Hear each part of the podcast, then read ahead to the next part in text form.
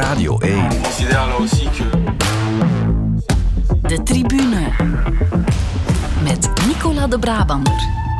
Dag iedereen, welkom bij de tribune. Het komende uur hebben we het uitzonderlijk, uitsluitend aandacht eh, voor eh, koning voetbal. Want de ontknoping in de Belgische hoogste voetbalklasse was eh, gekker dan eender welke scenarist kon bedenken. Na een paar doldwaze plot-twists ging de titel niet naar Union, evenmin naar Racing Genk, maar in extremis wel naar The Great Old. Voor het eerst in 66 jaar een nieuwe landstitel voor Antwerp dus.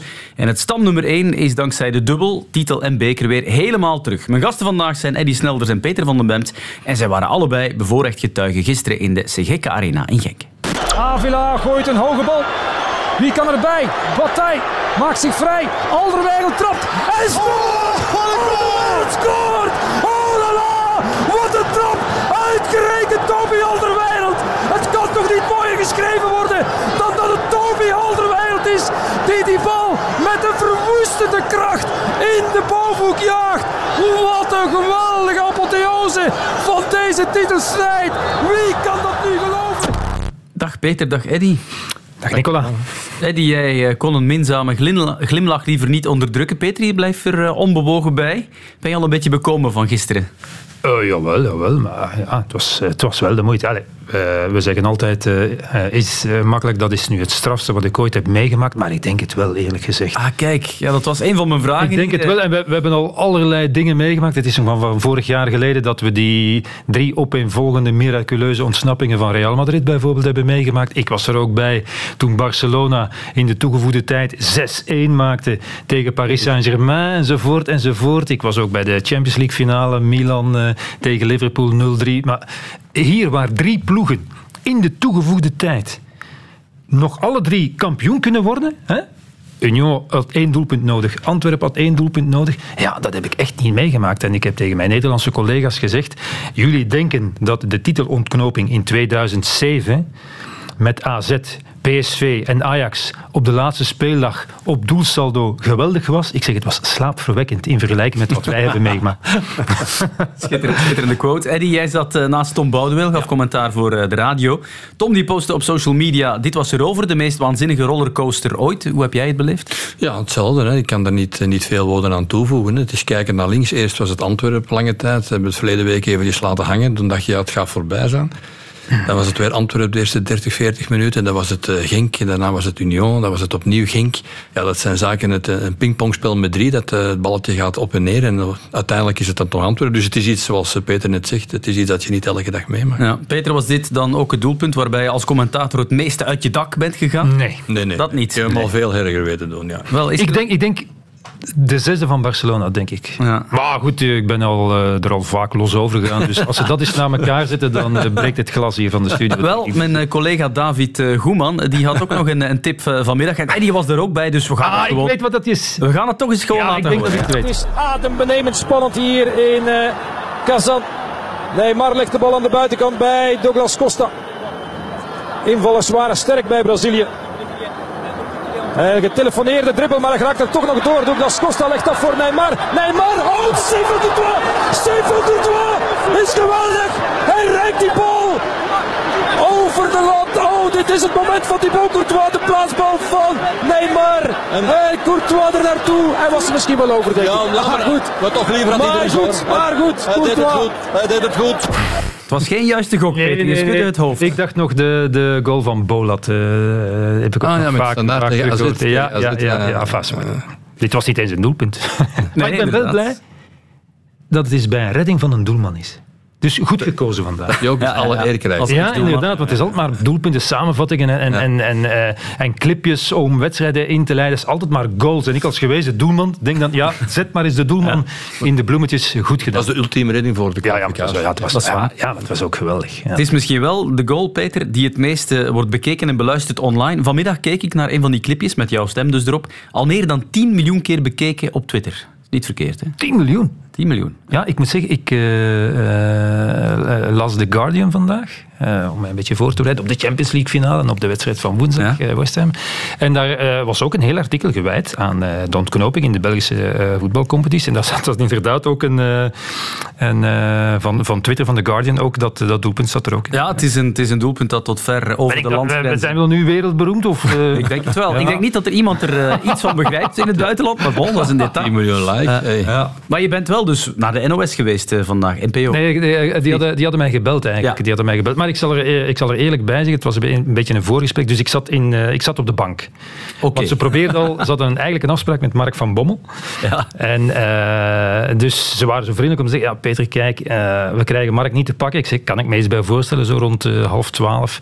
Dus eventueel, als het niet lukt, wil je dan? En dus had ik al een paar dingen gezegd en daar heb ik dat dan gezegd. Maar in, in de eter heb ik het niet kunnen zeggen, want Mark was uiteindelijk toch, uh, toch bereikbaar. Ja, okay. toch paraat. Eddie, is deze titel voor jou op een of andere manier nog bijzonder? Want je bent je profcarrière als voetballer natuurlijk begonnen bij Antwerpen. Doet dat nog iets met jou? Nee, persoonlijk niet meer moet ik zeggen. De, de afstand tussen mij en Antwerpen is redelijk ver. Het is zo dat er heel veel... Uh, uh, tussenstations zijn geweest uh, totdat ik hier ben. Dus wat dat betreft, nee. Ik heb natuurlijk nog een verre herinnering. Niet altijd de beste trouwens, wat mij betreft in Antwerpen. Want mijn passage daar, zeker in deze ploeg, maar zit altijd even succesvol. Ja. Maar goed, oké, okay, ik heb mij daarna... Het zit ver bij mij. Uh, je mag er gerust over uitweiden. Als je... Nee, nee, nee. nee maar ik was niet de grootste lieveling van de supporters. Misschien deels mijn eigen fout. Ik was niet de snelste, dus dat wordt op Antwerpen niet zo direct geapprecieerd.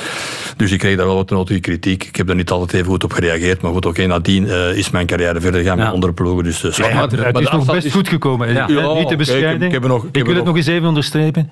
Topschutter van Standaard als ja, middenvelder eigenlijk. Hè? Ja, ja, nou, ik... En ook van Kortrijk, veel doelpunten gemaakt. Maar Kortrijk heb ik een goed jaar gehad, ja. dat moet ik eerlijk ja, toegeven. Liefste, Shermin Eker, ja, schitterende carrière, hè, die dus jawel. inderdaad niet te bescheiden. Nee, nee, maar goed, oké. Okay, dus die van Antwerpen hebben er niets van begrepen. Toen maar die van, die van Antwerpen, die, ik kijk, er wordt nog op andere, bij andere clubs gevoetbald. Dus dat, betreft, als het op, op een manier niet gaat, dan moet je natuurlijk iets anders zoeken. En dat is gelukkig wel, uh, wel, wel, wel je gelukt bent, voor mij. Je dus. bent heel diplomatisch, Eddie. Goed, uh, straks gaan we het veel uitgebreider hebben natuurlijk over die waanzinnige ontknoping. Maar we beginnen zoals gewoonlijk met de momenten van de week. Het eerste moment is van Peter.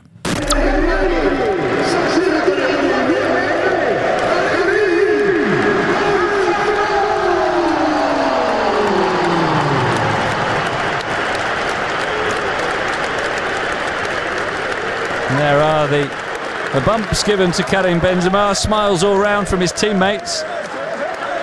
Glad they didn't drop him. And they're trying to get Eden Hazard as well. Uh, shows he's a popular figure in the dressing room despite his disappointing inability to deliver much on the field of play.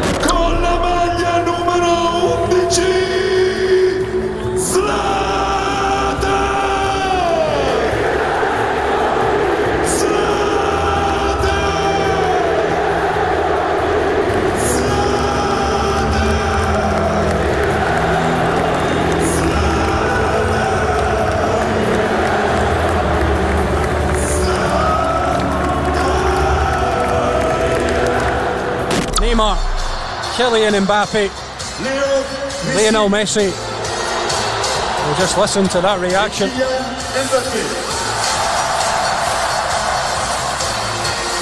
Such a contrast. Don't think Messi will get a phenomenal farewell. Mbappe is going to celebrate Ja, Peter, jou is opgevallen dat er flink wat grote namen ja. uit het Europese topvoetbal ofwel stoppen ofwel van club veranderen. Uh, laten we misschien met Eden Hazard, onze eigen landgenoot, beginnen. Het kwam als een verrassing en ook weer niet. Zaterdagavond uh, plots het bericht. Real Madrid en Eden Hazard hebben in onderling overleg een uh, nog lopende verbintenis tot 2024 stopgezet.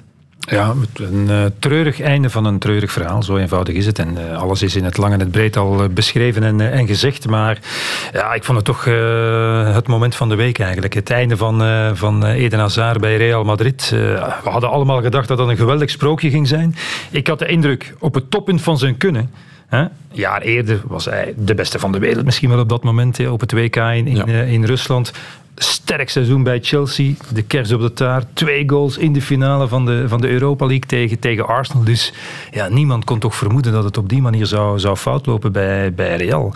En, en het is natuurlijk een samenloop van omstandigheden. Hè. We hebben het allemaal al een keer gezegd. Maar ik herhaal nu nog een keer wat ik toen al in september heb gezegd. Vier jaar geleden. Ik begrijp niet dat als je naar de beste club, of de grootste club ter wereld gaat, die betaalt meer dan 100 miljoen voor jou, dat je het dan niet kan opbrengen, omdat je denkt, oh ja, al die vorige keren bij Chelsea heb ik dat ook gedaan, om tijdens de vakantie een beetje gedisciplineerd te zijn en op je gewicht toe te komen. Die ene keren. Als je, als je alles kapot hebt gespeeld het eerste jaar, kan je dat tweede jaar permitteren. Dat begrijp ik niet. En dat is de aanzet geweest, want daar is altijd weer eh, naar terug eh, verwezen als het dan slecht gaat. Als je dat bij Real Madrid doet, dan heb je er niets van begrepen.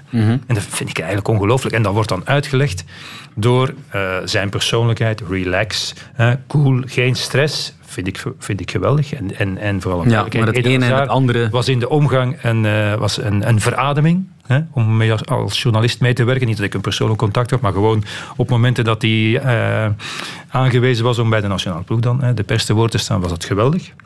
Maar dat heb ik nooit begrepen, eerlijk gezegd. Ja. Dat heb ik nooit begrepen. Sommige collega's eh, van jullie, analisten, eh, journalisten, zeggen nu: eh, dit is de slechtste transfer qua verhouding prijs-rendement uit de geschiedenis van het voetbal. Ja, is dat te zwaar als conclusie of Nee, niet? nee, ik denk dat niet, hè, Peter. Misschien als je de, de prijs pakt, 115 miljoen, en dan zijn, zijn wedden, en dan wat heeft hij er tegenovergesteld aan, aan eh, resultaten? Ja. dat is eh, bijzonder bedroevend weinig. Hè. Dus ik denk dat dat inderdaad wel een, eh, in verhouding de, de slechtste transfer is. Ik denk ook dat de Spanjaarden ook dikwijls met de met opengesperde ogen hebben gezien dat hij hier altijd nog ontvangen werd als een, als een koning. Hij heeft ook alles gedaan om nog met de nationale ploeg mee te spelen, terwijl hij in zijn eigen club op dat moment eigenlijk niet, niet speelklaar was op sommige dat, momenten. Dan zeg je, wat gaat hij eigenlijk in België doen? Hij moet hier zich revalideren en proberen terug voor te bereiden op dat seizoen. Wij betalen hem, dat is bij ons een hele dure vogel. En dan gaat hij zich nog eh, zijn eiertjes eh, leggen in het mandje van de nationale ploeg. Dat zijn zaken die daar ook niet werden geapprecieerd. En er is ook nooit geen beterschap gekomen. Dat is het erge ervan. Dus eh, je komt daar met overtollige kilo's aan, daarna raak je nog gekwetst. Je kan twee keer niet terugkomen, je bent op de bank, je bent daar ja, een beetje ja, apathisch eigenlijk. Je doet daar niets extra voor. En ja, die kritiek wordt erger en erger. Dus ik denk niet dat het vooral naar het laatste toe, eh, leuke momenten zijn geweest voor hem ook niet. Want Ja. één ding kan je wel niet aangeven. Hij wil niet zoals andere spelers, bijvoorbeeld uh, Trebel hier bijvoorbeeld, tot zijn laatste moment zijn contract uit doen. Ja, ook nog Eddie, maar het scheelt Dat is wel de bedoeling, Ja, ik. ja, ja. zo Hij wilde, hij wilde absoluut wel, zei hij twee Ah, weken oké. geleden nog. Ik wil, hè, zei nog in een interview op televisie, ik wil absoluut blijven en voor mijn plaats vechten. Maar iets is er dan toch gebeurd. Ja, blijkbaar dan toch wel. En oké, de cijfers lopen een beetje uit elkaar, maar ik heb, ik heb gelezen dat hij, ergens las ik dat hij nog 20 van 20. 27 miljoen Ja. zou hebben gekregen om te vertrekken. En Oh, eventueel nog Er ergens zit er anders. veel niet meer over. Ja, ik zou zeggen, dan... dan 7 miljoen was er nog. want de ja. vergelijking bij Real... In normale termen klinkt dat heel veel, Ja. maar in termen eh, van dat... Want de vergelijking wordt vaak gemaakt met Gareth Bale, maar die gaat helemaal Nee, nee, niet nee, op. nee. Die is er nog Bale belangrijke momenten. heeft twee Ja. Champions League finales en een Copa finale tegen Barcelona beslist. Ja, dat alleen al rechtvaardigt. En ook de, op de laatste twee jaren waren natuurlijk ook... eh, en, en heeft hij het veel meer uitgangen dan, eh, dan Eden Hazard. Maar ja, die heeft wel wat betekend voor Real. Het is zoals je zegt, de cijfers lopen uiteen, maar 243 miljoen transferprijs, loon en de 20 miljoen afscheidscadeau nu, zou Real Madrid hebben betaald voor Eden Hazard. Dat komt op 72.000 euro per gespeelde minuut, want dat waren er maar ja, nog geen 4000 over die vier seizoenen. Dus de, de cijfers ook maar zeven doelpunten. Nicolas, het is een verrassing dat je als club zo niet failliet gaat aan zo'n transfer, Ja. aan zo'n sommen. Dus het is begrijpelijk dat Real Madrid, ook al is het maar 7 miljoen dat ze nu gaan uitsparen, dat ze die ballast eh, in de kern en die 7 miljoen ja, nog pakken, dat ze dat nog eh, Ja. afdwingen. Dat wil ook zeggen dat ze hem ook helemaal hebben opgegeven. Hè? Dus ze zeggen, Ik ja, begrijp ook niet dat als je zo graag voetbalt, en dat die, die indruk hebben, eh, Hazard voetbalde graag, echt waar, dat denk ik nog altijd. En hij trainde niet graag. Tot op de dag van vandaag, ja oké, trainen niet graag, maar, maar voetbalt graag, dat je daar dan twee jaar blijft zitten in Madrid. Mhm. Terwijl toch duidelijk is dat deze trainer, wat hij ook zegt op persconferenties, geen beroep Ja. meer gaat doen op jou. Dat je dan niet vorig jaar in de zomer, dit jaar in de winterstop na het WK, waarin hij een beetje beter leek, zo naarmate het WK vorderde, leek hij wel een klein beetje weer eh, de goede, de goede, of leek het weer de goede richting uit gaan. Dat je dan niet zelf vertrekt en, en op zoek gaat naar een club, en die zal, zullen er wel geweest zijn, om te spelen, begrijp ik. Ja. Ehm, voetbalpensioen nu? Of verwachten jullie nog dat hij ergens onderdak vindt? Ehm, ik zou zeggen voetbalpensioen, gezien de, het enthousiasme waar dat hij nou de laatste twee jaar mee gevoetbald heeft. Eh, Als je dat ineens terug moet gaan opkrikken naar een nieuwe ploeg, dat is niet evident. Eh, leek me niet echt degene die op dit moment enorm gemotiveerd nog is om opnieuw iets te presteren. Dat doet opnieuw pijn, want die moet opnieuw van nul beginnen in een nieuwe omgeving. En daar staat nog tegenover, voor welk financieel plaatje is nog een club eh, geïnteresseerd om jou natuurlijk in dienst te nemen. hè? Dat is een tweede vraag. Zelfs als je zou willen, zal je toch heel veel water bij de wijn moeten doen. En dan is het maar de vraag of dat het wel kan, eerlijk gezegd. Ja. Ik weet het niet. Maar ik denk als, als hij blijk heeft van motivatie, hè, van als hij ergens eh, tegen een club zegt, kijk, eh, ik ben fit en ik wil er nog 250% voor gaan, kan ik me wel voorstellen dat er veel clubs zijn die inderdaad, wat Eddie zegt, aan eh, getemperde voorwaarden, nog Eden Hazard een kans willen geven. Bij Lille bijvoorbeeld, een ex-ploeg. Om, om, om het, om het even in welke competitie dan, maar, maar ehm, ik zou het wel ongelooflijk teleurstellend vinden dat hij nu gewoon stopt. En ik, Ja. ik begrijp wel, hè, want hij zegt, ja, hij is maar 32, maar hij is natuurlijk wel al bezig van zijn 17 of 16, 17. Lichamelijk is 14, het eh, 15 lang, jaar. lange periode. Heeft Plus hij, heeft hij een carrière en, en veel trappen gehad. Ja, nu veel spelen. blessureleed, dus oké, dat moet je zeker in rekening Ja. brengen. Maar ik zou het wel zonde vinden dat hij nu gewoon niet meer voetbalt. We zijn natuurlijk heel kritisch nu, maar de beste Hazard was fantastisch. Waar zetten we Eden Hazard nu in de galerij der Belgische voetballers? Ja, toch, Als hij stopt? toch zeker in de top 5. Zeker. Ik, eh, je- vind ik wel, eerlijk gezegd. Ik eh, ben niet aan het denken wie dat er allemaal boven gaat gaan, maar ik denk zeker dat hij in de top 5 gaat staan. Want het is een beetje moeilijk om, om ze te Ja. vergelijken, omdat eh, Andere je hebt, je tijd, hebt het, het wereldmerk Company, bijvoorbeeld. Je hebt Kevin De Bruyne en dat komt meer in, in, in, zijn, in zijn positie. Ik neem daar ook Thibaut Courtois bij. Ja, maar die, die zijn aan het spelen. We, we nemen spelers die niet meer voetballen. Hè? Dat is toch de bedoeling? Ja, of- Ah, maar, maar, maar ja, uiteraard. En dan doen we natuurlijk eh, voetballers tekort uit, uit vroegere generaties, ja. die min- misschien minder eh, internationaal georiënteerd waren. Maar hoe dan ook, vind ik ja, een van de, van de aller, allerbeste qua talent, qua Ja. prestaties, qua, qua uitstraling. De manier waarop hij ermee is omgegaan. Bij Chelsea trofeeën gepakt, wedstrijden beslist. Zijn, zijn intrinsieke talent. En dat is wat ik wilde zeggen. Eh, naar Real Madrid gaan was ideaal op dat moment om die laatste stap te zetten om, en niet om even goed te zijn als Messi en Ronaldo, want ja, daar verslikte sommigen zich ook wel een keer in als hij weer geweldig was, maar om toch ergens in de buurt te komen van die twee grote. Bij de grootste club Ja. van de wereld. Ook Hazards ploegmaat, dat hoorden we ook. Karim Benzema, die vertrekt ook bij de Koninklijke. En Peter, ja, die heeft wel zijn stempel Ja. gedrukt. 14 seizoenen lang, 354 doelpunten voor Real Madrid. Ja, we gaan hem wel missen daar. Nou, ik kan, ik, kan, eh, ik eh, kom eh, superlatieven tekort om eh, mijn appreciatie voor de voetballer Benzema en de prestaties die hij geleverd heeft. Eerst in de schaduw van Ronaldo en dan in de volle zon. Ja, dat kan je niet, eh, kan je niet overschatten. Kan En wel prijzen gepakt, vijf Champions League, eindstegens, vier keer kampioen. Al die doelpunten, al die assists in de moeilijkste omstandigheden. Vorig jaar gouden bal gewonnen. Ja, zijn carrière is helemaal af. En dat hij dan nog eens even wat zakgeld gaat rapen eh, in een ander land. Ja. ja, Maar dat, vinden dat we- wordt dan zo zeker. Ik zou dat nu zelf niet doen. Toch niet eh, in, die, eh, in die regio's. Ik maar- wou het net zeggen, Ja, eh, nee, Saoedi-Arabië, zakgeld zeg je, dat zou 100 miljoen euro per seizoen kunnen zijn. Beetje zakgeld. Ehm, Al Ittihad wordt genoemd. Is dat geen kwalijke trend? Dat eh, Ronaldo, nu Benzema... We gaan toch niet met z'n allen naar de Saoedische eerste klasse kijken, Het plots? zijn wel meestal ook spelers die wel op het einde van hun carrière bijna zitten en dan proberen natuurlijk nog een grote zak met geld mee te nemen als beloning voor hun carrière dat ze eigenlijk ergens anders hebben gemaakt. Dus daar kan je weinig tegen inbrengen en zeker niet omdat het, het grote geld komt niet helemaal vandaar. Dus ja, dat zijn trekpleisters. Ja. Dus aantrekkingskracht is groot. Hè. Lionel Messi wordt ook het hof gemaakt door eh Saoedi-Arabië, het land waarvan hij al ambassadeur Hij is, dat weten we. ja, Eh, en Eddie, jij had ook wel willen kiezen misschien voor het moment van de week Messi die uitgefloten werd bij de ploegvoorstelling. Ja. Waarom? Gewoon om aan te tonen hoe vergankelijk voetbal eigenlijk wel is. Het is zo anderhalf jaar geleden, toen hij zijn intrede deed bij PSG, dan eh, waren de rijen dik toen, toen dat hij aankwam. Toen waren de superlatieven die, die vloeiden van de, van de Eiffeltoren. En dan anderhalf jaar later, en met een moeilijke en ook een betere periode, want het was niet allemaal slecht, de tweede periode was toch duidelijk beter. Ja, dan is er toch nog weinig krediet voor de persoon Messi, die dat toch, ja, toch een, een geweldig grote voetballer is geweest. Ik wil maar zeggen hoe snel dat een krediet, zelfs voor de allergrootste op sommige momenten, wordt afgebouwd. Terwijl bij hem zijn statistieken wel nog goed waren, hè? Ja. in Parijs. Maar niet in, vergelijking- Niet in niet in vergelijking, verhouding tot, eh, tot wat we van hem gewend zijn geraakt. En wat, wat eh, PSG Messi vooral kwalijk neemt, is dat hij eh, in de eerste helft van het seizoen echt goed was. Maar, maar echt goed. Ik heb een paar wedstrijden gezien. Messi was echt... eh, Toen kwam er een WK aan. wel, voilà. Ja, dus wat was- bleek dan? Dat was dan toch maar eh, in het vooruitzicht. Nee, maar overigens ook. met het vooruitzicht van het, van het WK. En daarna schoot er nog weinig van over. Dat ze zich daarover dan op... En vooral dan weggaan op het moment. Ja, dat is... Dat is Ja. Maar, maar uitgefloten worden... Ja, dat verdiende hij toch niet. Ja, dat, ik. dat, verdient. Messi nooit misschien. Nee, dat Toch niet de voetballer. Dat Ehm, vond ik echt wel tragisch. Randtrainer Barcelona, zou dat nog een goed idee zijn? Er wordt ook veel over gespeculeerd. Maar, maar ik, eh, ik begrijp dat niet van de kant eh, van Xavi. Ik begrijp niet, hè. je bent, je bent, eh, oké, je bent kampioen geworden, je bent weer aan het bouwen aan, een- aan een sterk elftal, daar moet hier en daar nog wel wat bij. En Xavi heeft zelf gezegd, ja, ik bereid mij voor op een tactisch plan, een omschakeling met Messi in de ploeg.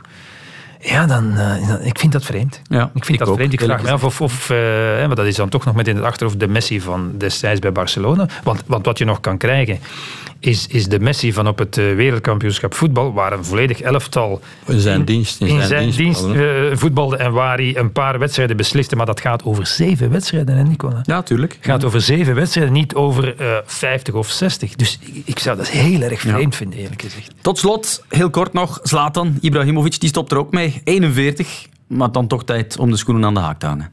Ja, dat is Nee, hij gaat misschien nog naar Mond. Ik heb gelezen dat Ah, hij oké. bij Milan eh, blijft, maar in een andere rol. Ah, sorry, ja, dat Monza was inderdaad een gerucht afgelopen weekend. Ik vind het knap dat hij dat eh, tot die ouderdom heeft eh, kunnen volhouden. Ik vind het uitzonderlijk, maar er is een tijd van komen. Ik vond het voor hem, 41 jaar, vind ik een, een geweldige leeftijd om te stoppen. Moet ik zeggen. gestopt. Ja, ja, vond ik ook wel. En ik vind de manier waarop het de laatste maanden gaat, ja, dat vind ik er ook wel net iets te veel aan. We zullen zien, maar eh, Zlatan, ja, inderdaad, ook een prachtige carrière. Het heeft wat langer geduurd, dat moment van We gaan naar het moment van Eddy. In de Franse competitie is Philippe Clément niet langer trainer van AS Monaco. Gisteren verloor Monaco in eigen huis met 1-2 van Toulouse. Het grijpt daardoor naast Europees voetbal. Monaco beëindigt het seizoen op de vijfde plaats. Dat is onvoldoende, zo oordeelt het Monegaskische bestuur. En dus wordt Philippe Clément na anderhalf seizoen ontslagen. Vorig jaar leidde Clément Monaco nog naar de derde plaats. Ja, maar dit keer geen Europees voetbal voor Monaco en geen verlengd verblijf. Dus voor Clément zijn contract is ook eh, stopgezet. Was ook nog één jaar tot eh, juni 2024.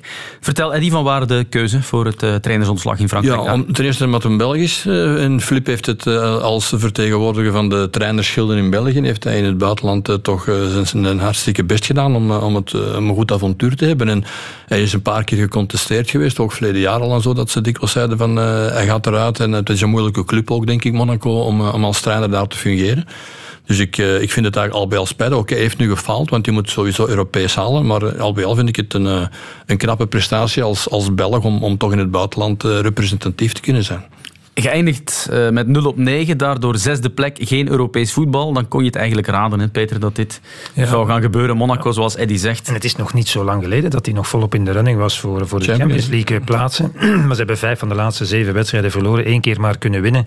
Ja, en er dan helemaal uh, uitgetuimeld. Uh, ja, dan, dan is, dat is de wet van, van de sport natuurlijk. Aan, aan, en, en de technisch directeur noemde het een zeer moeilijke beslissing, omdat ze natuurlijk zeer uh, geapprecieerd hebben de, de, de energie die Philippe uh, Clément, zoals we hem kennen, erin gestopt heeft. Maar goed, ja, dat is de, de wet van de sport, krijg je ja. waarschijnlijk niet meer verkocht. En er zijn een paar sleutelmomenten geweest, ook vorig seizoen. Geweldig einde, negen van de laatste tien matchen gewonnen, maar de laatste dan niet. Ja, en daardoor geen rechtstreekse Champions League kwalificatie. Je moet ja, de resultaten net over de streep en, kunnen trekken. En ook, dat is hem niet gelukt nu. En ook in de voorronde van de Champions League stonden ze op een minuut van de poelenfase. Tegen Leverkusen. En, tegen PSV. Tegen PSV, ja. Tegen PSV. En later inderdaad, wat, uh, die, tegen Leverkusen met, ja. met de strafschoppen eruit gegaan. Ja. Ginder 2-3 gewonnen, thuis 2-3 verloren. Dus twee keer zo net niet. Dat was in die tussenronde dan.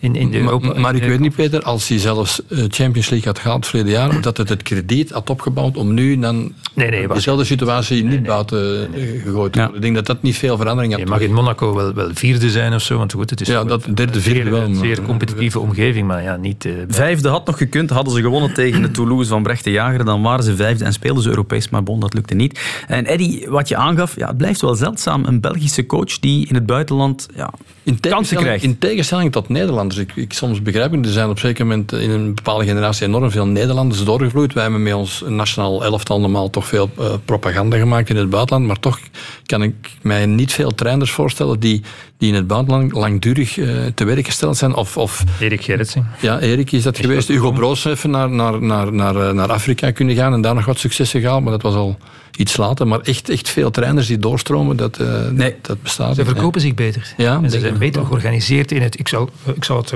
eenvoudig zeggen, in het rondsturen van hun cv. Ja, misschien kan Clément toch nog een nieuwe buitenlandse club ja, in de, Ik ben wel benieuwd ja, nu ook, waar die nu wordt opgepikt. Of hij nu ja, toch op de radar is gekomen van, van uh, clubs die, die trainers scouten en zeggen, oh, Philippe Clement, we gaan eens kijken, we gaan hem eens, eens volgen. Dat, dat zal mij nu benieuwen. Ik vind dat hij dat wel verdient, maar dat is niet zeker natuurlijk. De tribune.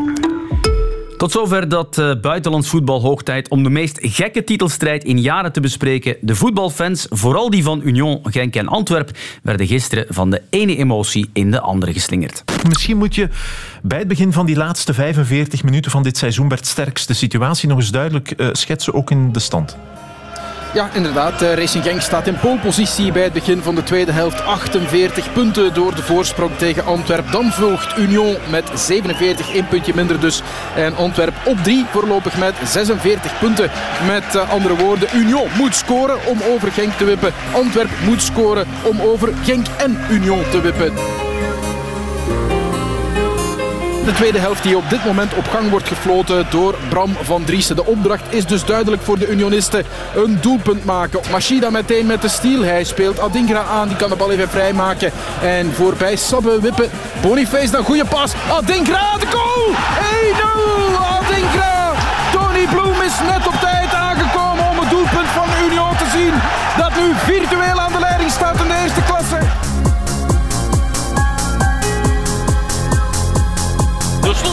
Ik heb het gevoel dat Antwerp geen vuist meer kan maken. Dat het nog wel de lange bal hanteert richting Toby Alderweireld. Telkens weer het uh, doorkoppen. Maar het feestgedruis is waarschijnlijk oorverdovend daar in Brussel. Want uh, Bert Union, het is verdorie heel lang geleden.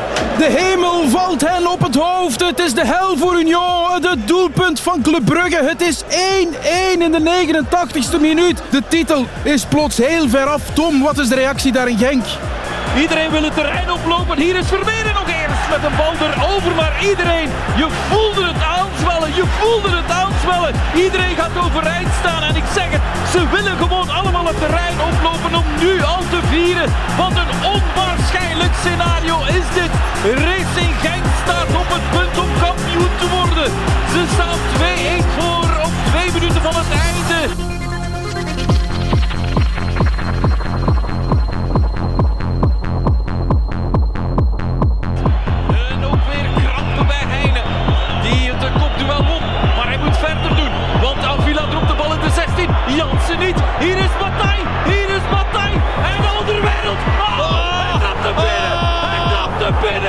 Het Alderwereld. Iedereen wordt gek. Het hele stadion ligt plat. Want Toby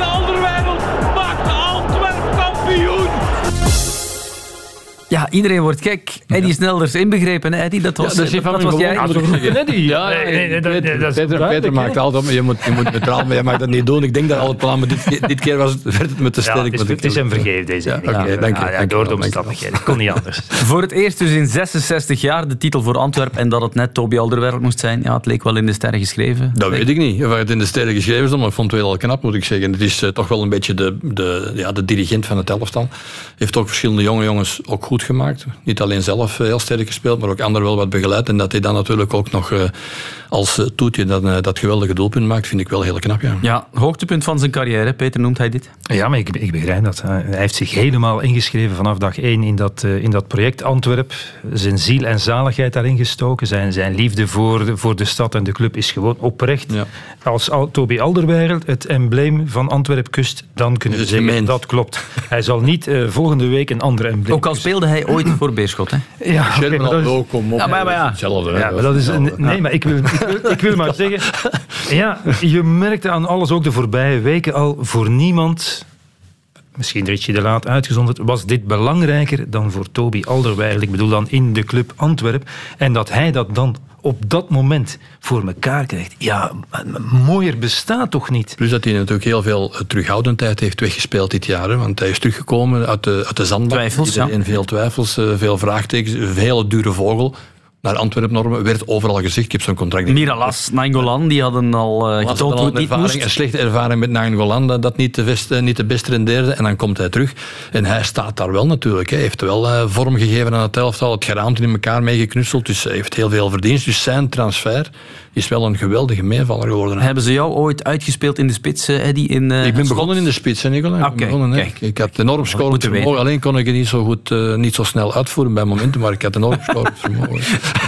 De, de mensen gaan beelden van je opzoeken, Eddie, om te zien hoe traag je wel was. Nee, daar zijn geen beelden van. Eh, die trage beelden hebben we gewist. geleden. Die hebben we gewist, die trage oké. beelden. Maar, maar eh, eh, eh, wat wil ik nu zeggen? Ik ben het nu even kwijt. Nee, ik Maar geef ik je even tijd, eh, Peter. Want over de wedstrijd zelf, over het sportieve, hebben we het meeste wel al gehoord, denk ik. Maar wat? Ik wilde- ja, sorry, ik wil Ja, zeg.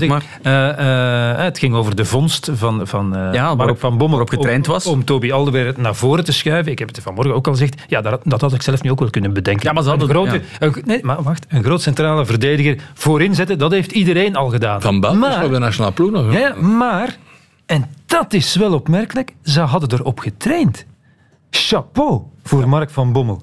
En, en eh, Gert Verheij had erover toen we naar terugreden. De Zweden, langer geleden, had hij ook eens een jaar of tien geleden, die deden dat ook. Situatietraining was dat. Namelijk een keer met, met eh 11 tegen 10. Een keer met 10 tegen 11. Zodanig dat als je in die situatie komt, dat je dat herkent. En dat is fenomenaal fantastisch gedaan. Dat hij zegt, kijk, op een bepaald moment kan het zijn Je hebt toch rekening gehouden ja, met, met de dat, situatie. dat we in die situatie komen en dan, Toby, stuur ik jou naar voren, zet ik mijn ploeg zo en zo. En dat gebeurt en dan heb je succes. Ja, dat is dan toch geen toeval. Dus dat is dan, dat is dan toch meer dan zomaar zeggen eh, een, lange, een lange vooraan. Maar ik denk toch dat het nog met andere redenen te maken heeft. Het, het aanvallend vermogen bij Antwerpen van spelers was wel redelijk beperkt. Dus ik denk dat hij op een zeker moment geen andere Maar kijk had. Wat gaan we dan doen in geval van... Ja, we gaan, jij kan nog een doelpunt maken om een stilstaande fase. Heb je het al, heb je het al bewezen? Misschien is het ook wel een reden om het nog eens extra te proberen. Natuurlijk. Want Antwerpen is aanvallend.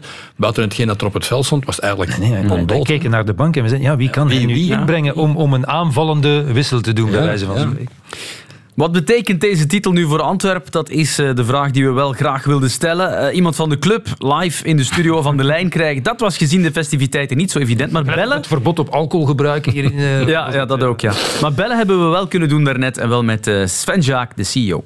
Sven Jaak, beker en titel. Is het al een beetje doorgedrongen? Is het besef er al? Nee, vrij, eh, vrij onmogelijk om het te bevatten eigenlijk op dit moment. Eh, ik heb net eh, een receptie gedaan met de spelers, eh dis- districthuis in Deurne gedaan. En nu op de boot eh, richting, eh, richting Antwerpen-stad. En ja, nee, eigenlijk beseffen we niet wat er, eh, wat er gebeurd is. Ja, we bellen jou echt op dit moment op die boot. Met alle spelers erbij.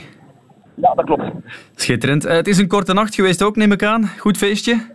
Ja, een zeer, eh, zeer goed feestje. En eh, ik heb eigenlijk eh, niks, eh, niks of heel weinig geslapen. Niks of heel weinig geslapen. Hoe, komt het, Sven, als we wat meer afstand nemen, dat jullie amper zes jaar na de promotie al de titel hebben kunnen pakken op het hoogste niveau? Hoe verklaar je dat? Ja, ik denk dat de constante fa- factor is vrij simpel. Dat is eh, Paul Gijssen. Die heeft eh, op een bepaald moment, eh, 2015, een eh, visionair idee gehad om een club te kopen. Ehm, die eh, ja, historie had en heeft ehm, met enorm potentieel, maar dat wel bijna niemand in geslaagd was om iets mee te doen.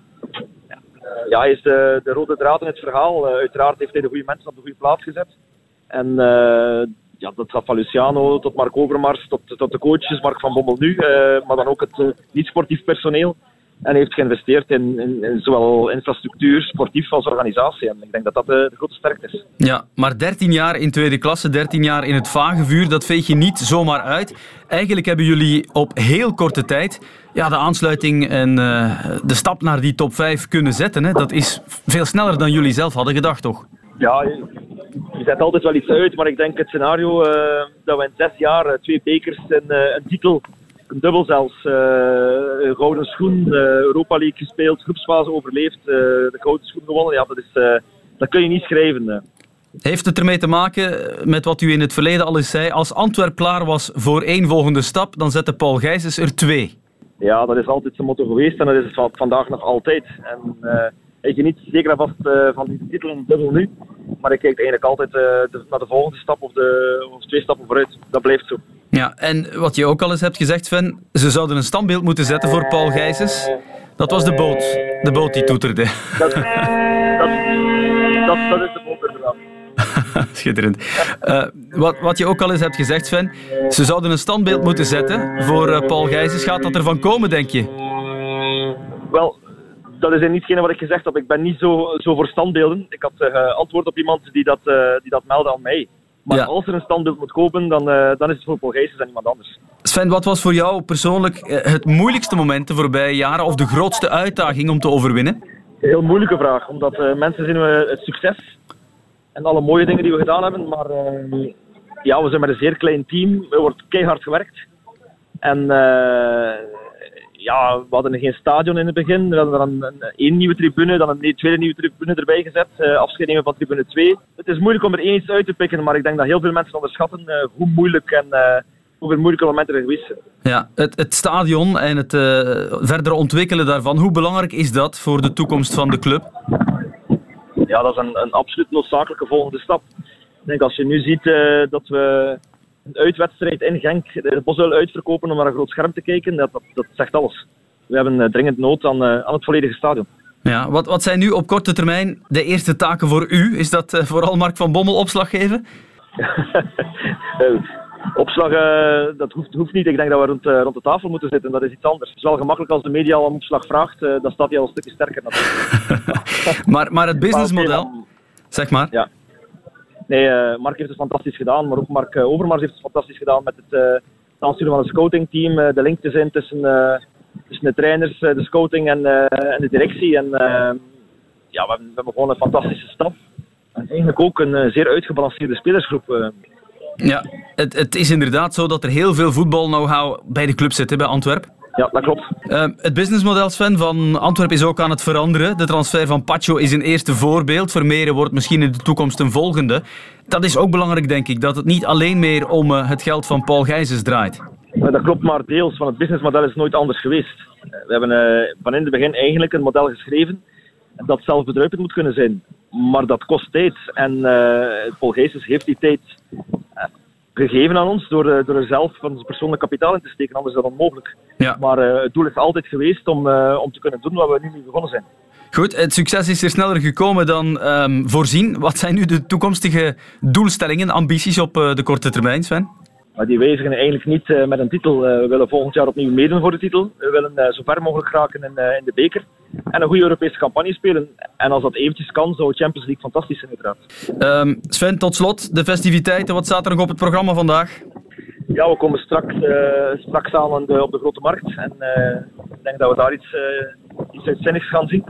En daarna met de met spelers, familie, vrienden, personeel allemaal nog, nog gezellig iets eten. Ik wens je heel veel plezier, Sven Jaak, en geniet ervan. dik verdient die vieringen daar. Merci, Sven. Dank u wel. Dat was Sven Jaak daarnet van op de toeterende boot. Intussen staat hij wellicht ergens in een eh, mensenzee op de Grote Markt, inderdaad. Even erop inpikken toch op dat gesprek met mijn gasten hier in de studio, Peter van den Bemt en Eddie Snelders. Ja, mannen, zonder Paul Gijzens, inderdaad, was dit natuurlijk nooit mogelijk geweest. Er wordt gesproken van 150 tot 200 miljoen die hij al geïnvesteerd heeft in de club. En als de juiste middelen beschikbaar zijn, ja, dan kan een slapende reus heel snel wakker worden.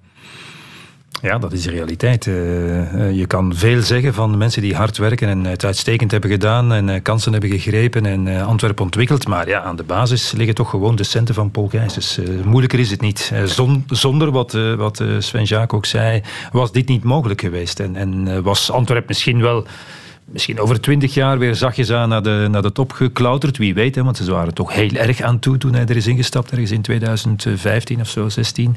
Dus ja, dat is de basis voor alles natuurlijk, zo eenvoudig is het. En ik hoor graag zeggen, zelfbedruipend. Oké, op zeker moment zou dat misschien wel kunnen, maar je moet toch altijd nog eh, die centen van Paul Gijsens terugbetalen, dacht ik zo op zeker moment. Want eh, dat blijft toch altijd erg. En daarvoor zal dat stadion ook wel een echte hefboom moeten Ja, zijn, om meer inkomsten te vergaren. Ja, maar ze blijven natuurlijk nog heel lang zitten met die, die tribune aan de overkant. Dat, is, dat is en blijft een probleem. En Nog ook niet een beetje opgelost. Een smaad. Een smaad.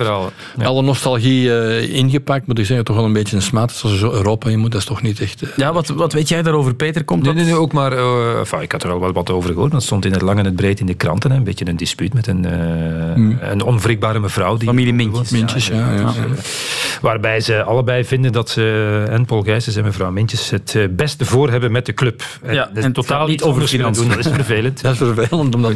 Dat heet een padstelling. Ja. Uh, Gijsens heeft het potentieel gezien waar het aanwezig was, maar wat we wel moeten zeggen is dat hij de juiste keuzes maakt, de juiste mensen op de juiste plaats zet. Hij heeft ook veel tegenwind gehad daar met de aantrekking van Mark Overmars. Maar al bij al is dat natuurlijk wel een hele goede zet geweest. Hè. Hij was daar vrij snel in, maar hij ook schrik had dat er andere andere kapers op de kust waren, andere ploegen die erin geïnteresseerd waren. Niet ten onrechte achteraf als zo blijkt, want als je ziet uh, welk dat hij eigenlijk heeft aangetrokken en uh, wat hij heeft verwezenlijkt, uh, moet, is dat wel een knappe prestatie natuurlijk. Hij heeft niet alleen de ploeg een andere vorm gegeven. Hij heeft ook nog jongere spelers aangetrokken die in principe in de nabije toekomst een meerwaarde kunnen betekenen voor Antwerpen. En hij is uh, blijkbaar toch ook binnengekomen. Niet als de alwetende Mark Overmars die halve finale van de Champions League heeft gespeeld enfin, als, uh, als technisch directeur met Ajax, maar zich gewoon ook ingeschreven in het Antwerp-verhaal en gekeken wat is hier voorhanden ja. en meteen geconnecteerd met mensen die daar al langer werkten. Uh, ook dat is zijn grote kwaliteit toch, toch geweest. En hij kan natuurlijk overtuigen. Hij heeft zijn naam, hij heeft zijn adresboek. En naarmate Antwerp Antwerpen meer mogelijkheden krijgt, zal hij misschien een paar andere bladzijden van dat adresboek ja. kunnen openslaan. Ja, in, een, in, ja. een, in, een, hogere categorie. Hij heeft de juiste keuze gemaakt met Mark van Bommel als trainer. Misschien zonder Overmars kwam Van Bommel niet mm -hmm. naar Antwerpen. Dat soort dingen. Ja, dat is zo. Maar ik wil er ook wel... Want hij is gisteren een beetje vergeten, de man die we net hebben geïnterviewd, bijzetten. Mm -hmm, zeker. Sven Jaak. Ja die in, in de Lute, ook een van de beste... Van in het prille begin, ja, samen met Keizers. clubleiders van, van het land mag genoemd worden. En, en overigens ook zeer ja. waardevol is, en in de Pro League en bij, bij de. Belgische Voetbalbond. Wat Mark Overmars betreft, ik zat me daarnet af te vragen. Het is een beetje dubbel om dat te vragen en om het te vermelden, maar die gezondheidstoestand van hem, sinds uh, eind vorig jaar, na die lichte beroerte, die is niet goed. Maar zou dat er net voor kunnen zorgen dat Overmars denkt, ja, ik zit hier eigenlijk wel goed en ik hoef niet noodzakelijk hogerop kan dat voor Antwerpen op een bepaalde manier. Ja, ik zat vijf minuten geleden hetzelfde te denken. Ja, oké. Okay. dus dus uh, ja, uh, hier bij Antwerpen kan hij op deze manier functioneren, want ik ben wel geschrokken. In het interview met Mark de Grijs in het laatste nieuws, ja, van, van de impact. En nog 40% van zijn hartcapaciteit. En je, je merkt het inderdaad, wanneer, wanneer hij praat, ben ik wel wat van geschrokken.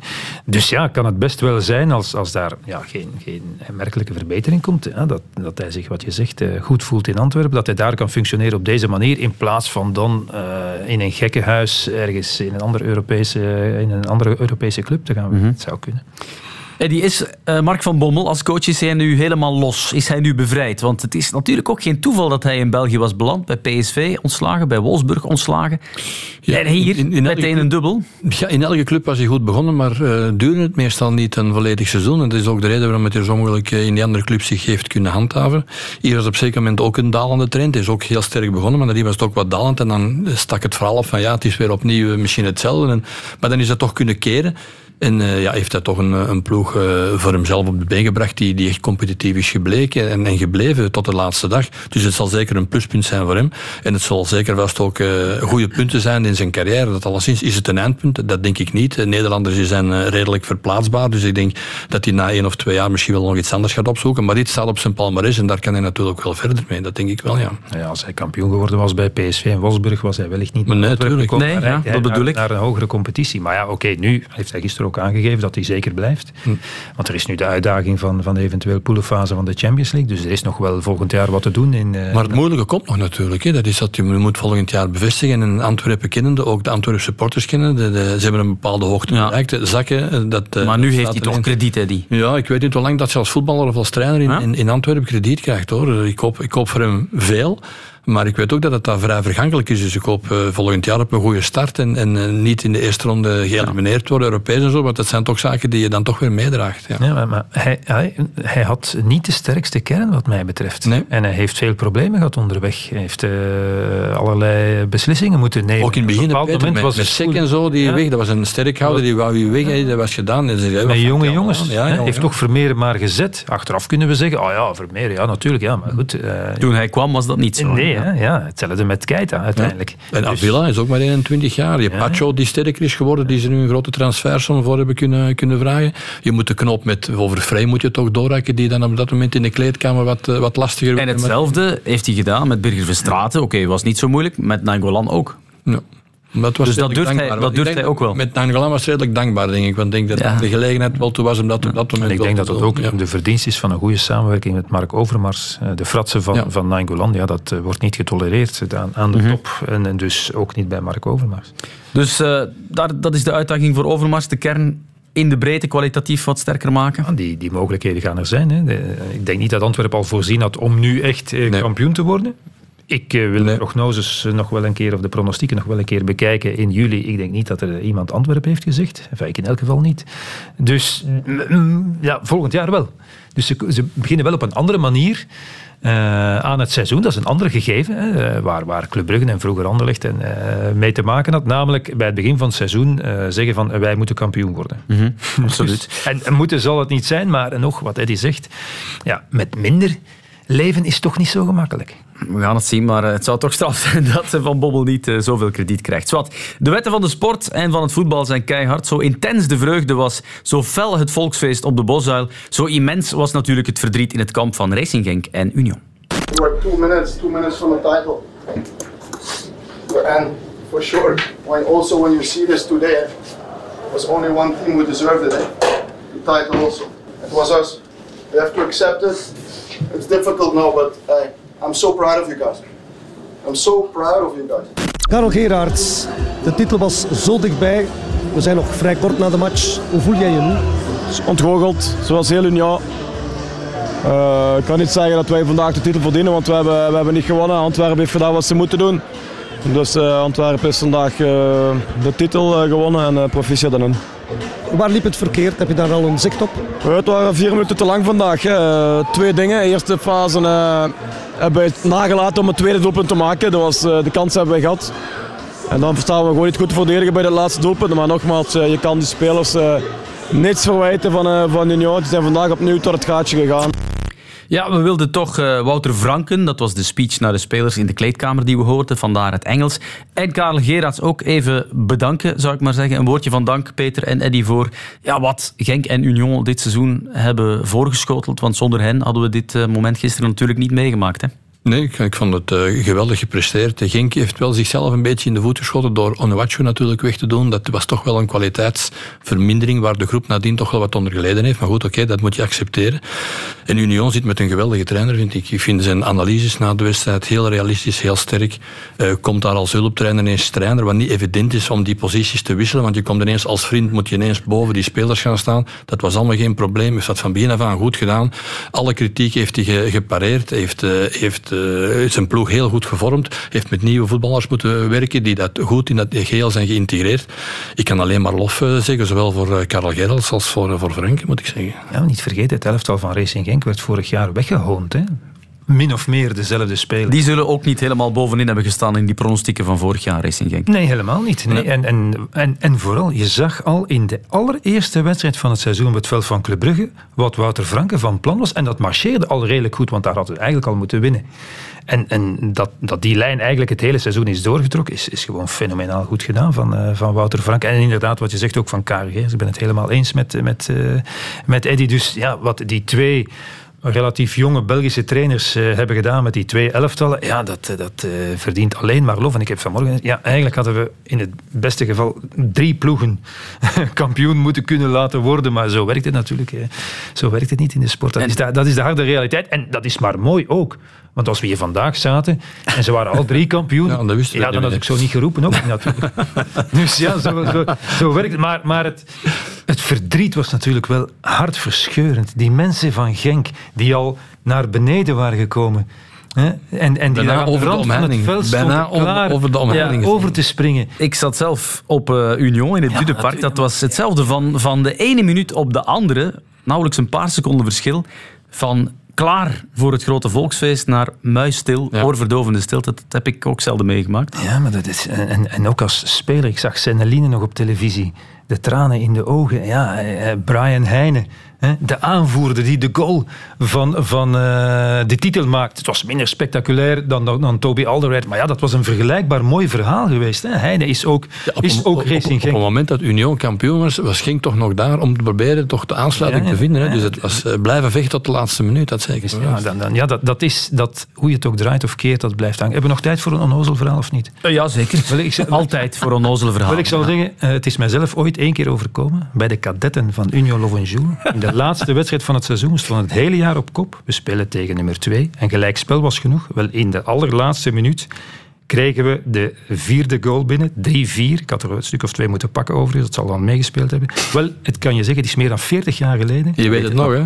Elk detail zie ik nog voor mij op mijn netvlies gebrand. En ik, als ik erover begin, dus ik moet stoppen, voel ik nog de pijn van toen. Ik, en zie het, ik zie het ook in je ogen, Peter. Ik word al een beetje bang. Dat was maar bij de kadetten van, van ja. En ik weet wel, dat is, die, die zijn professionals en volgend seizoen beginnen ze weer. Maar ook maar aan te geven, als je het op die manier uit handen geeft, zoals Union en zoals Schenk, ja, dat hakt er nogal in. Ja, tussen haakjes bij de, de week daarvoor, de Duitse laatste wedstrijd. Dortmund en Bayern, ja. En dat was ook Nico van Kerkhoven uh, met een interview. Die tranen stonden ook nog altijd in zijn ogen na dat spectaculaire uh, verlies in die laatste speeldag. Bij Schalke? Bij Schalke. Ah ja, natuurlijk. Ah, ja, okay. dat zij, al, zij waren aan het vieren. Aan het ja. vieren waren ze al. En dan maakte ja. Bayern München nog een doelpunt. En, en dat, die, die pijn die kwam nog altijd uit zijn ja, lichaam uit het ja, moment dat hij het vertelde. Dus zo'n dingen, zo'n dingen die vergeet je gewoon niet. Die kan je niet plaatsen. Ik had ze graag allemaal willen knuffelen, één voor één. Al die mensen van Genk, waar ik dan was, maar helaas. Nee, dat, dat ging niet. Hè. Dat is inderdaad uh, topsport. Mannen, als we het heel even wat breder trekken. Deze titel van Antwerp. Uh, wat betekent dat nu voor de machtsverhoudingen in het Belgische voetbal? Want ik zeg maar, die top 4 van dit seizoen, die was erg sterk. Club gaat weer sterker worden in principe. Uh, wat met de traditionele topclubs Anderlecht en Standaard? Hebben die nog volgend seizoen, later, de mogelijkheid om voor de prijzen te spelen op korte termijn, denken jullie, met die sterke concurrentie? Maar ik ben geneigd om te zeggen, op korte termijn, als je zegt ja? volgend jaar, nee. nee. Komende drie jaar bijvoorbeeld? competitie, ja, oké, okay, kan ik geen termijn op plakken. Maar als je ziet uh, waar zij vandaag moeten komen... Hè, het verschil ook is financieel sportief, heel groot. Het verschil is heel erg groot. Zij hebben soms de indruk, we zijn er niet zo ver af. Goed, dat zal moeten blijken. Als je het iets standaard was begonnen aan een project met een uitstekende trainer. Ja, daar moeten ze ook weer, vinden ze dezelfde trainer of niet? Ze hebben al aangegeven, en dat is ook een van de redenen waarom Ronnie Deila uiteindelijk vertrokken is, het zal met hetzelfde budget of iets minder moeten zijn. Dus ja, ze hebben een, ze hebben een heel erg grote achterstand. En ik weet wel, dat soort beschouwingen is al vaker gemaakt en dan komen clubs ineens daar toch weer boven drijven. Maar er zijn ook een paar andere clubs die daar ergens tussen hangen, die voor stevigere concurrentie zorgen. Ik denk dan maar aan Cercle Brugge bijvoorbeeld, die het de clubs uh, moeilijk Wat maken. kunnen we van A-agent? Want je zegt wel vier, maar je hebt agent wat toch niet zo veel ja. van Club Brugge was. Hè? Maar die, die, die zitten niet zo diep. Nee, nee, nee. Daar hebben die, ik, ja, ik denk dat het was vooral om dat contrast vier, te duiden. En, en uh, het grote geluk van die clubs is dat we volgend jaar weer play-offs met zes spelen. Dus dat, dat uh, is dan toch een verschil. Maar uh, we zijn, we zijn wel op, weer opnieuw benieuwd. Kan Union dat nu nog een keer doen? Ja, zeker. dat ja. weten we natuurlijk niet. Maar anders is het drummen, hè, ook in de top 6. Ja. Een kritische vraag misschien over Antwerp. Stel dat uh, die bouwplannen dat dat in de komende vijf jaar niet lukt. Hè, bij Club komt dat nieuwe stadion er ook niet. De club gaat nu ook verkocht worden. Riskeert Antwerp dat ook met Gijsens? Als hij ja, dat stadion niet kan helemaal uh, afmaken, kan bouwen? Als de volgende vijf jaar minder succesvol sportief zijn, is die stap iets sneller gezet. Ik denk, zolang dat de sportieve successen gaan blijven, denk ja. ik wel dat... Uh, maar nu is hij al voor een deel misschien voldaan, in titelbeker. No, Champions League moet nog komen. Dat denk ik niet. Dat denk ja? ik niet. Denk ik heb niet. de indruk dat hij daar geweldig van geniet. Ja. Misschien is het iets wat hij zich kan permitteren, zonder dat hij daarom winst hoeft te maken. Of, uh, Zijn vermogen wordt geschat op 1 miljard heeft, euro. Dus hij okay. heeft een, uh, tribunes kunnen bouwen, die ook de club overigens terugbetaalt aan, aan de firma's van, mm-hmm. van Paul Gijsens.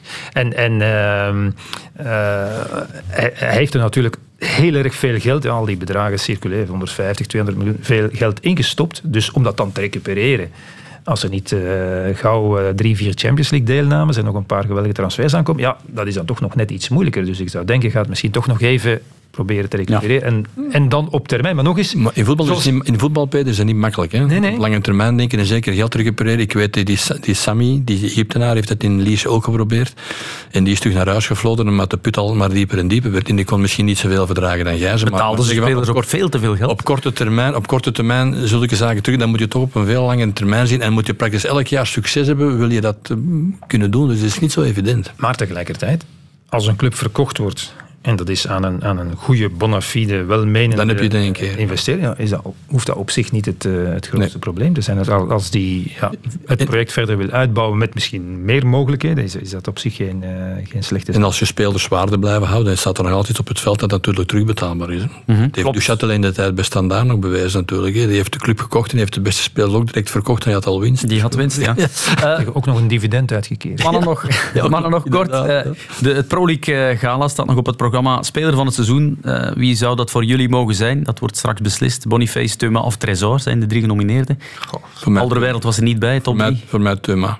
Peter? Uh, in combinatie met zijn Europese parcours. Ja, ja die Thuma. Ook uh, Thuma te zeggen. Goed, dan uh, de slotvraag. Waar kijken jullie nog naar uit deze week? Ik ga beginnen bij Peter, want maar liefst twee Europese finales ga je nog ja. commentariëren deze week. Dus de Conference League finale woensdag tussen Fiorentina en West Ham. En natuurlijk Man City uh, tegen Inter op zaterdag. Dus ja. uh, ik heb wel wat om naar uit te kijken. Zo ja. nog. Dat is de bijna laatste week van het seizoen. dat is Praag en dat is Istanbul. Uh, City zit aan twee prijzen, FA Cup gewonnen. Die Champions League finale, gaan ze, gaat het eindelijk gebeuren, Peter? Ik ben daar niet zeker van. nu moet ik wel zeggen, als Inter speelt in de Champions League finale zoals dat in de bekerfinale hebben gedaan, tegen Fiorentina, dan krijgen ze een stuk of 5-6. ze hebben maar, wel gewonnen, die bekerfinale. Ja, ja maar ja, ze, ze stonden wel met hun met, met de bus helemaal in de tweede helft geparkeerd in de eigen recht. Ook Andanovic een paar saves, maar oké. Okay. En, en, uh, en City zal beter, als, als Inter het niveau haalt van in de eerste wedstrijd tegen, Inter Milan, tegen Milan, sorry. Ja, dat vond ik echt heel erg goed. En uh, ik vond City in de Cup Final nu niet indrukwekkend goed. Misschien hoefde dat ook niet tegen United. Ja, maar op het einde heb je dan toch nog een, een bibbermoment en dan snap je nog aan, aan verlengingen. Maar goed, het was, ze hebben verdiend gewonnen voor alle duidelijkheid. Het was, het was goed genoeg. En ja, aan de andere kant, als City, laten we zeggen, 80% van het niveau haalt van, van de, terugwedstrijd ja, tegen Real Madrid, dan gaat het toch gebeuren, denk ik. Inderdaad. Eddie, wat staat er voor jou nog op de planning? Je hebt nog die Interlands van de Rode Duivels. Ja, eentje. Nog, uh, nog twee om te bekijken, maar eentje om live te bekijken. Dat is uh, samen met Peter uh, hier thuis tegen Oostenrijk. Dus daar kijk ik naar uit en ja. ook naar de Champions finale. Oké, okay, goed. Bedankt mannen en graag tot volgende week voor een nieuwe De Tribune. Tot dan.